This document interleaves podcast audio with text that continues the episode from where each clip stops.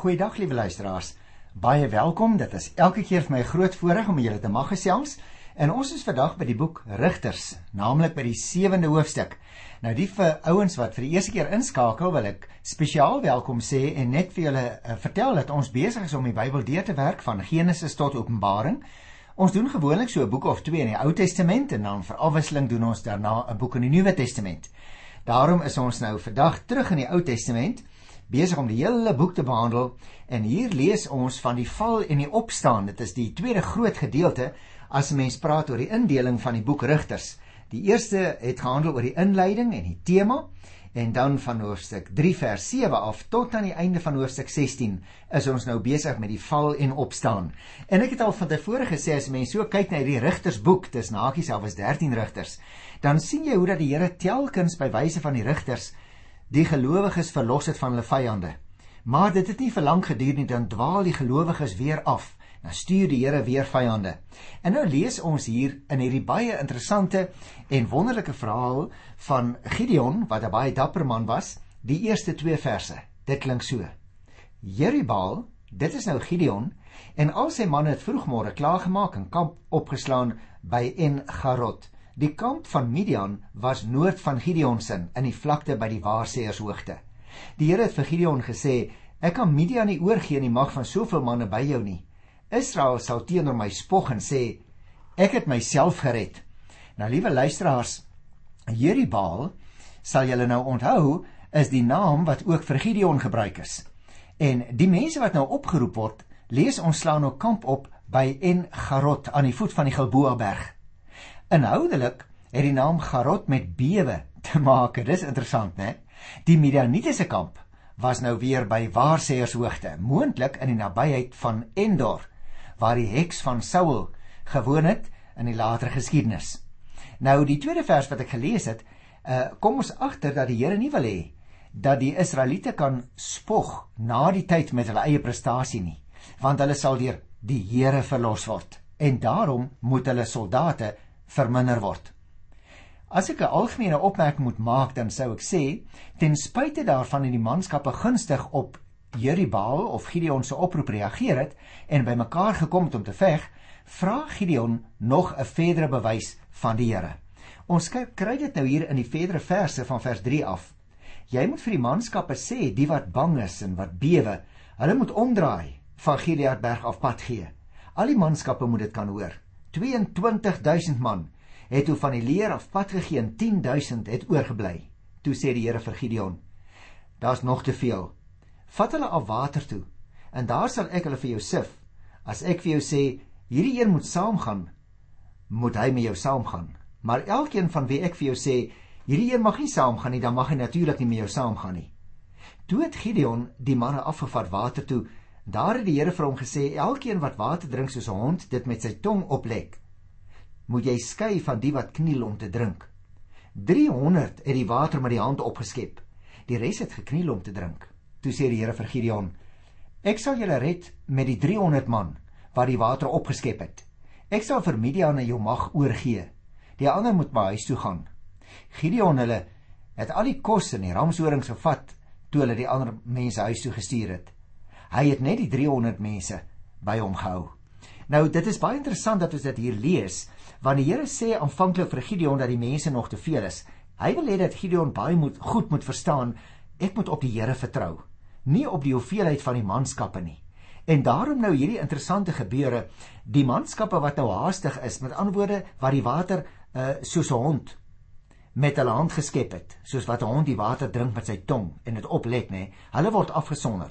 En so word daar uiteindelik net 300 man se kies en die res word aan huis toe gestuur. Die rede waarom die vergelyking met 'n hond gemaak word, is omdat die wat so drink kan rondkyk, né, terwyl hulle dit doen. Die meeste van die wat gekies is, was wat genoem is ABS Rite. Hulle kom uit die Manasse groep. Nou liewe luisteraars, is interessant dat die Here so konkreet met hierdie man praat. Uh, vir hom sê, hoorie, dit is net soos wat 'n hond wat water drink, maar hy hy kan rondkyk. Daarom die ouens wat gekniel het, hulle kan nie gekies word nie want hulle kyk nie met oop oë rond nie. Met ander woorde, die ouens wat uiteindelik saam met Gideon moet gaan veg, moet op en wakker wees. Hulle moet voortdurend op die uitkyk wees. Nou interessant dat uh hierdie hele gebeure kom voordat die groot slag val. Maar in die 8ste vers staan hierdie interessante opmerking. Gideon hulle het al die kos en die ramshorings gevat. En toe het hy die ander almal huis toe gestuur. Jy sien wat hier staan met al die kos word natuurlik bedoel ook die van die manne wat huis toe gestuur is. Die 300 kon dan ook elkeen 'n ramshoring in die hande kry onder die mense wat dan teruggestuur is. Gideon het dus alreeds in die stadium sy aanvalsplan baie goed in gedagte gehad. Nou as jy nou self op jou eie sou lees vers 9 tot 18 kry jy interessante gegevens wat daar staan en ek wil dit eintlik maar net vir jou kortliks opsom omdat ek ook graag uh, die laaste stuk van hoofstuk 7 en ook hoofstuk 8 in groter detail wil behandel. Jy sien hier van vers 9 af is dit nou eintlik waar die volgende teken inkom waarna ek nou nou nou, nou verwys het. Eers toe Gideon afgesien het van sy eie tekens waarin hy sekuriteit wou vind en afgesien het van die gewaande sekuriteit van sy eie getalle en ook van die militêre mag eers toe hy regtig erken het dat hy bang is en dus ontvanklik geword het vir die tekens van die Here is hy ooreed om die Here regtig te vertrou Jy sal onthou in die vorige program het ons ook daarop gewys hoe hoe baie kere hierdie man meer as enige ander rigter tekens van die Here gevra het en die Here het elke keer vir hom tekens gegee. Maar nou wil die Here hom leer om regtig op hom die Here alleen te vertrou. En daarom lei die Here hom in die volgende verse dan ook na die laaste plek waar 'n mens ooit vir 'n teken sal gaan soek, naamlik na die kamp van sy vyand baie baie ironies as jy dit lees want uh, dit lyk vir my dat dit genoeg is om eers daar waar hy uit die mond van die vyand hoor wat God nog al die tyd vir hom gesê het eers dan raak hy oortuig want wanneer hy gaan afluister en hy hoor hoe die vyand praat hoe bang hulle vir die Here is eers dan besef Gideon dat die Here deur sy gees alreeds ook in die harte van sy vyande gewerk het dat hulle bang geword het vir Gideon en sy manskappe. En eers daar, liewe luisteraar, waar hy hoor dat 'n minderwaardige garsbrood, 'n klein klompie manne, 'n sukkelende twyfelaar soos hy, die wapen is waardeur die almagtige God gaan oorwin wanneer dit eintlik sy stryd. Eers dan begin Ogideon verstaan. Eers dan word hy oortuig dat God vir hom stuur om te gaan veg. O, hy is 'n dapper held. So het ons al gehoor in Hosea 6 by die 12de vers. 'n dapper held in sy geloofsgehoorsaamheid en die krag wat hy het om te gaan veg. Dit berus op die geloof en die sekerheid dat God in beheer is, dat die Here alles eintlik in sy mag het. En eers toe hy opgehou het om die sekerheid by homself te soek en alles volledig op God gesentreer het, eers toe kon hy gaan sê en 'n mens kry daardie uitspraak hier in Hosea 7 by vers 15: Kom, die Here gee die leer van Midian in ons mag oor. En ons sien dis hier 'n baie interessante verskywing, liewe luisteraar, in die ingesteldheid van hierdie man. En ek dink daaruit moet jy en ek ook leer dat ons wanneer ons na onsself kyk, dikwels so onmagtig en onbekwaam voel vir 'n taak wat die Here op ons pad bring. Maar is eers wanneer ons ons oog gefestig hou op die Here, as ons oog vol word van hom, dat ons eie klein krag nie meer saak maak nie want dan weet ons die Here gebruik vir ons as 'n instrument in sy hand om die plan wat hy vir ons het uit te voer. Miskien is daar een of twee, dalk baie van ons luisteraars wat hierdie program luister vandag, wat dalk net hierdie eenvoudige faset in jou geloofslewe weer 'n keer moet insien. Moenie na jouself kyk nie, liewe gelowige. Kyk in eerste plek na die Here en sy groot mag. So skrywe Paulus ook natuurlik daar in die boek Filippense by die 6ste hoofstuk. Jy kan dit gerus daar gaan lees. Maar terug na Gideon toe. Gideon is vir ons in baie opsigte, liewe luisteraars, 'n geloofsmodel. Ek dink vir elke een van ons wat twyfel, juis omdat ons sekerheid dikwels op die verkeerde plek gaan soek. Ons soek dit by onsself en in die tekens waarmee ons God probeer manipuleer. Maar in die woord van die Here, in die Bybel, staan lank al alreeds geskrywe wat hy vir ons doen en waarheen hy met ons wil gaan. En daarom moet ons eerder al die klem, al ons aandag, ons hele fokus na die liewe Here toe verskuiwe en in die sekerheid in hom begin doen wat hy met brose en wankelrige mense soos jy en ek wil doen en ook kan doen want hy is die Here. Daarom baie interessant as ons nou kyk hier by die 19de vers in Rigter 7. Dan staan daar Gideon en die 100 man by hom het tot by die onderpunt van die kamp gegaan. Dit was in die nag aan die begin van die middelste wag aflos. En die wagte was net klaar omgeruil. Toe blaas Gideon hulle die ramshoring en breek die erdekruike. Al drie afdelings het dit gedoen. Hulle het die fakkels in die linkerhand gehou en die ramshoring met die regterhand en dit geblaas en toe roep hulle die swaard van die Here en Gideon. Liewe luisteraar, het jy opgemerk? In daardie tyd het mense 3 wagtye gehad. Tussen hakies die Romeine later in geskiedenis het eintlik 4 wagtye gedurende die nag gehad. Maar die Israeliete op daardie stadium het 3 wagtye gehad. Die aanval vind nou in die middelste wag aflos, het ons hier gelees plaas. Jy sien die eerste wagte het diep geslaap. In die tweede groep wat sopas omgeruil het, was nog nie regtig op die hoogte van al die wagomstandighede nie. Die aanval begin nou met die skreeu van 'n aanvalskleed. En daarom vers 21 en 22, hulle het rondom die kamp gestaan, elkeen op sy pos. Toe die 300 man die ramshoring blaas, het die hele kamp op die vlug geslaan. Hulle het geskreeu en gehardloop en toe het die Here dit bewerk dat hulle mekaar daar in die kamp doodmaak.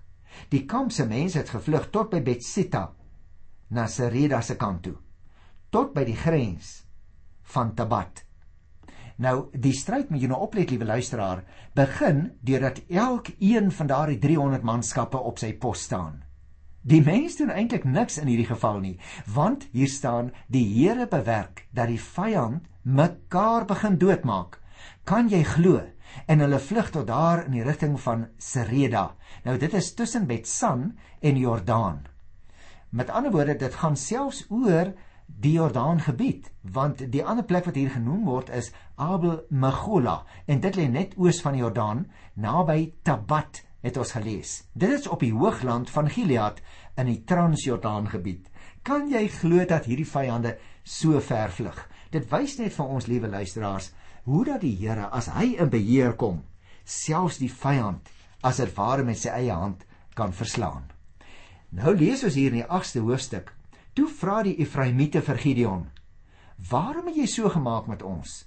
Waarom het jy ons nie opgeroep toe toe jy teen die Midianiete gaan veg het nie?" Nou, liewe luisteraar, ons kry nou hier 'n baie interessante stukkie geskiedenis wat ons in die 8ste hoofstuk van die boek Rigters aangeteken vind.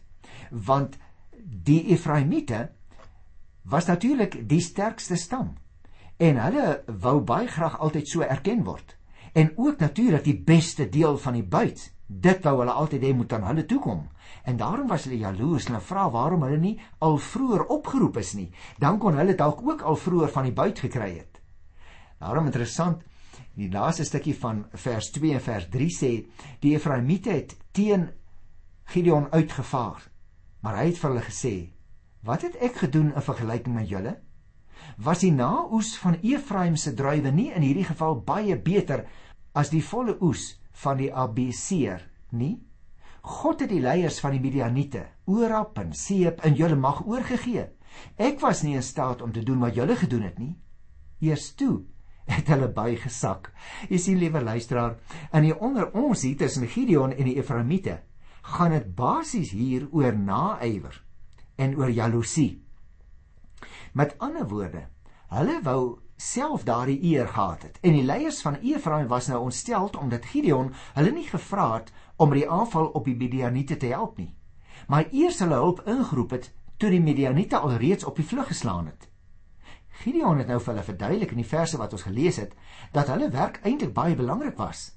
Aangesien hulle die offisiere en die bevelvoerders gevang en die leer en van die bevelstruktuur afgesny het, Dit het hulle wel tevrede gestel dat hulle ook 'n belangrike rol in die in die geveg gespeel het. Maar dit het nog nie die wonderwerk weggevat dat dit eintlik Gideon met sy handjievol manne was wat die deurslag gegee het nie.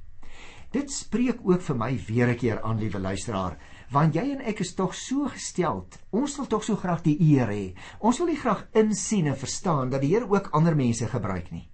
En daarom haas ek by om hier van die 4de vers af te lees in Rigters 8.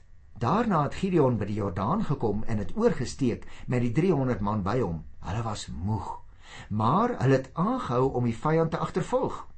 Toe sê Gideon vir die manne van Sukkot: "Gee tog brood vir die manne wat by my is. Hulle is moeg en ek is besig om die Midianiete, die konings Sebag en Salmuna te agtervolg." Jy sien wat is hier plaasvind luisteraar?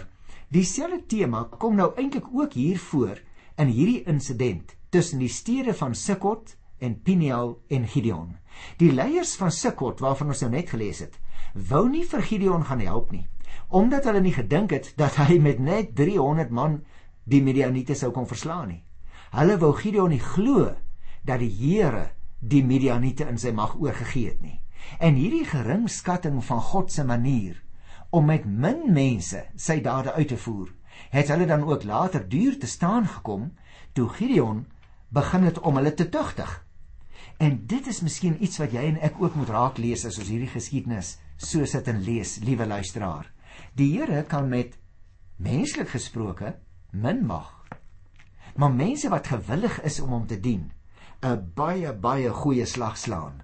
En dit is waaroor dit in hierdie gedeelte gaan. En daarom, as mense nou mooi na hierdie teks kyk, dan wil ek spesifiek verwys na vers 18. Toe het Gideon vir Sebag en Salmina, die name wat ek nou net ook vir u gelees het, gevra: "Watter soort mense is deur julle vermoor op Tabor?" En hulle antwoord: "Hulle was almal soos u. Elkeen het soos 'n koningskind gelyk." Toe sê Gideon: "Hulle was my eie broers. So seker as die Here leef, ek sou julle laat bly lewe het as julle hulle nie vermoor het nie." Hier kom nou 'n verdere aspek na vore wat ons van tevore nie raak gelees het nie. Want hier kry ons 'n verdere motief van Gideon se optrede wat hier aan ons verduidelik word in die Bybel in vers 18 en vers 19.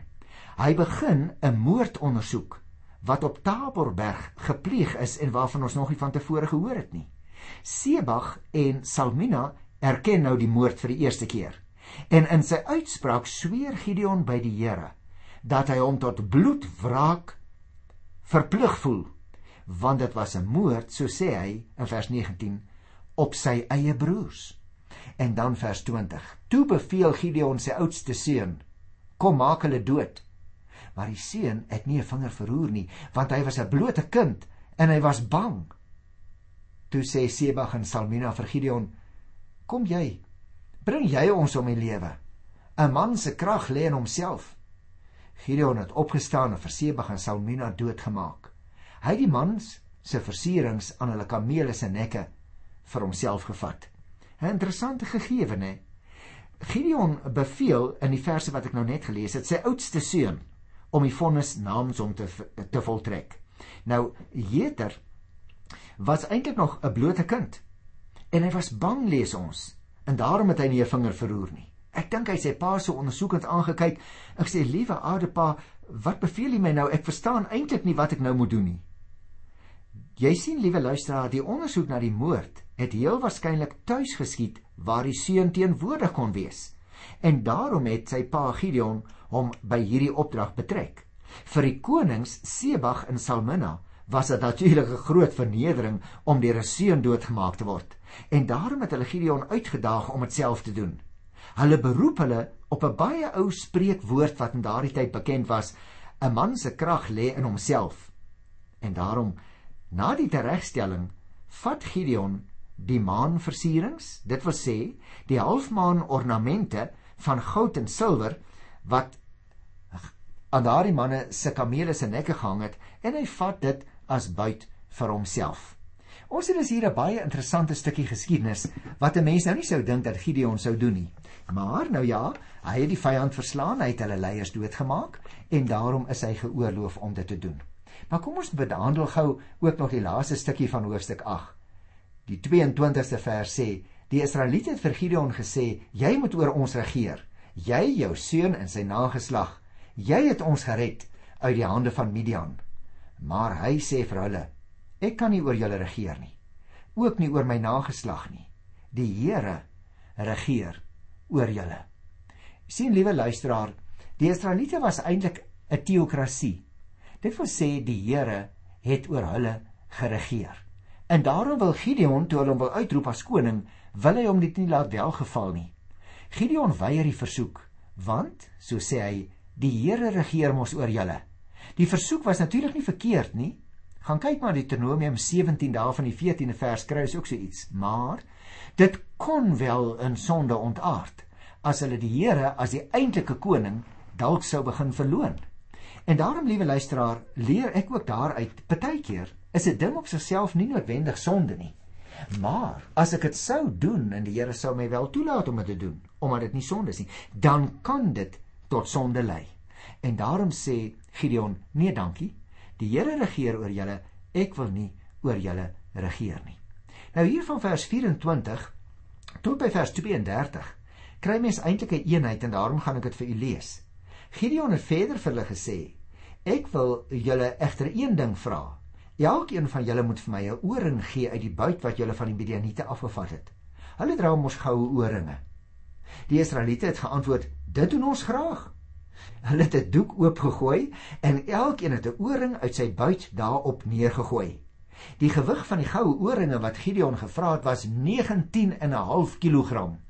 Die maanversierings, oorbelle en persklere van die Midianitiese konings was nie daarbey gereken nie en ook nie die kettingkies rondom die kamele se nekke nie. Nou dis baie interessant dat ons hierdie stukkie geskiedenis hier kry, nê?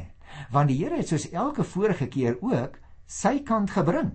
Hy het aan hulle die oorwinning gegee. Maar hierdie keer kan dieselfde nie van Israel gesê word nie.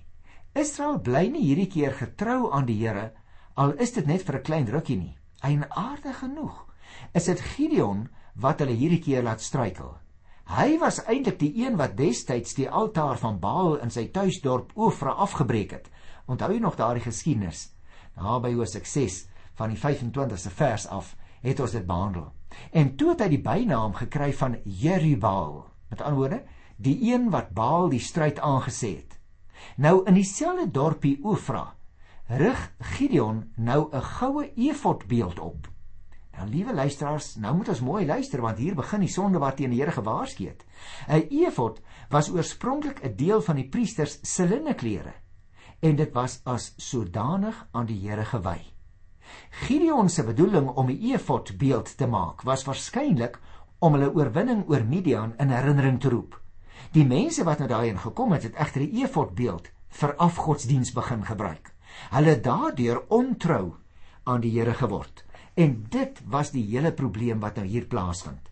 En daarom ten slotte aan die einde van Rigters by die 8ste hoofstuk lees ons hierdie interessante gegevens. Ook sy byvrou uit Sigom het vir hom 'n seun in die wêreld gebring en sy naam was Abimelek.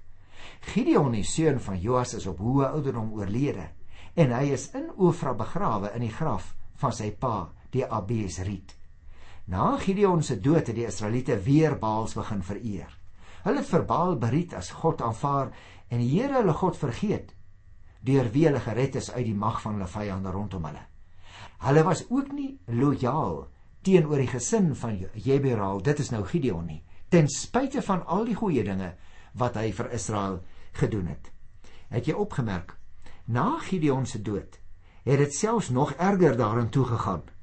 Die volke die Baal van die verbond, soos hy genoem is, by die dorp Sichem begin aanbid in die plek van die God van die verbond. En so het hulle die Here uit hulle gedagtes weggeskuif en hulle het afgodsdienaars begin word. Jeribaal, dit is nou Gideon, het dan ook eintlik maar die stryd teen Baal verloor.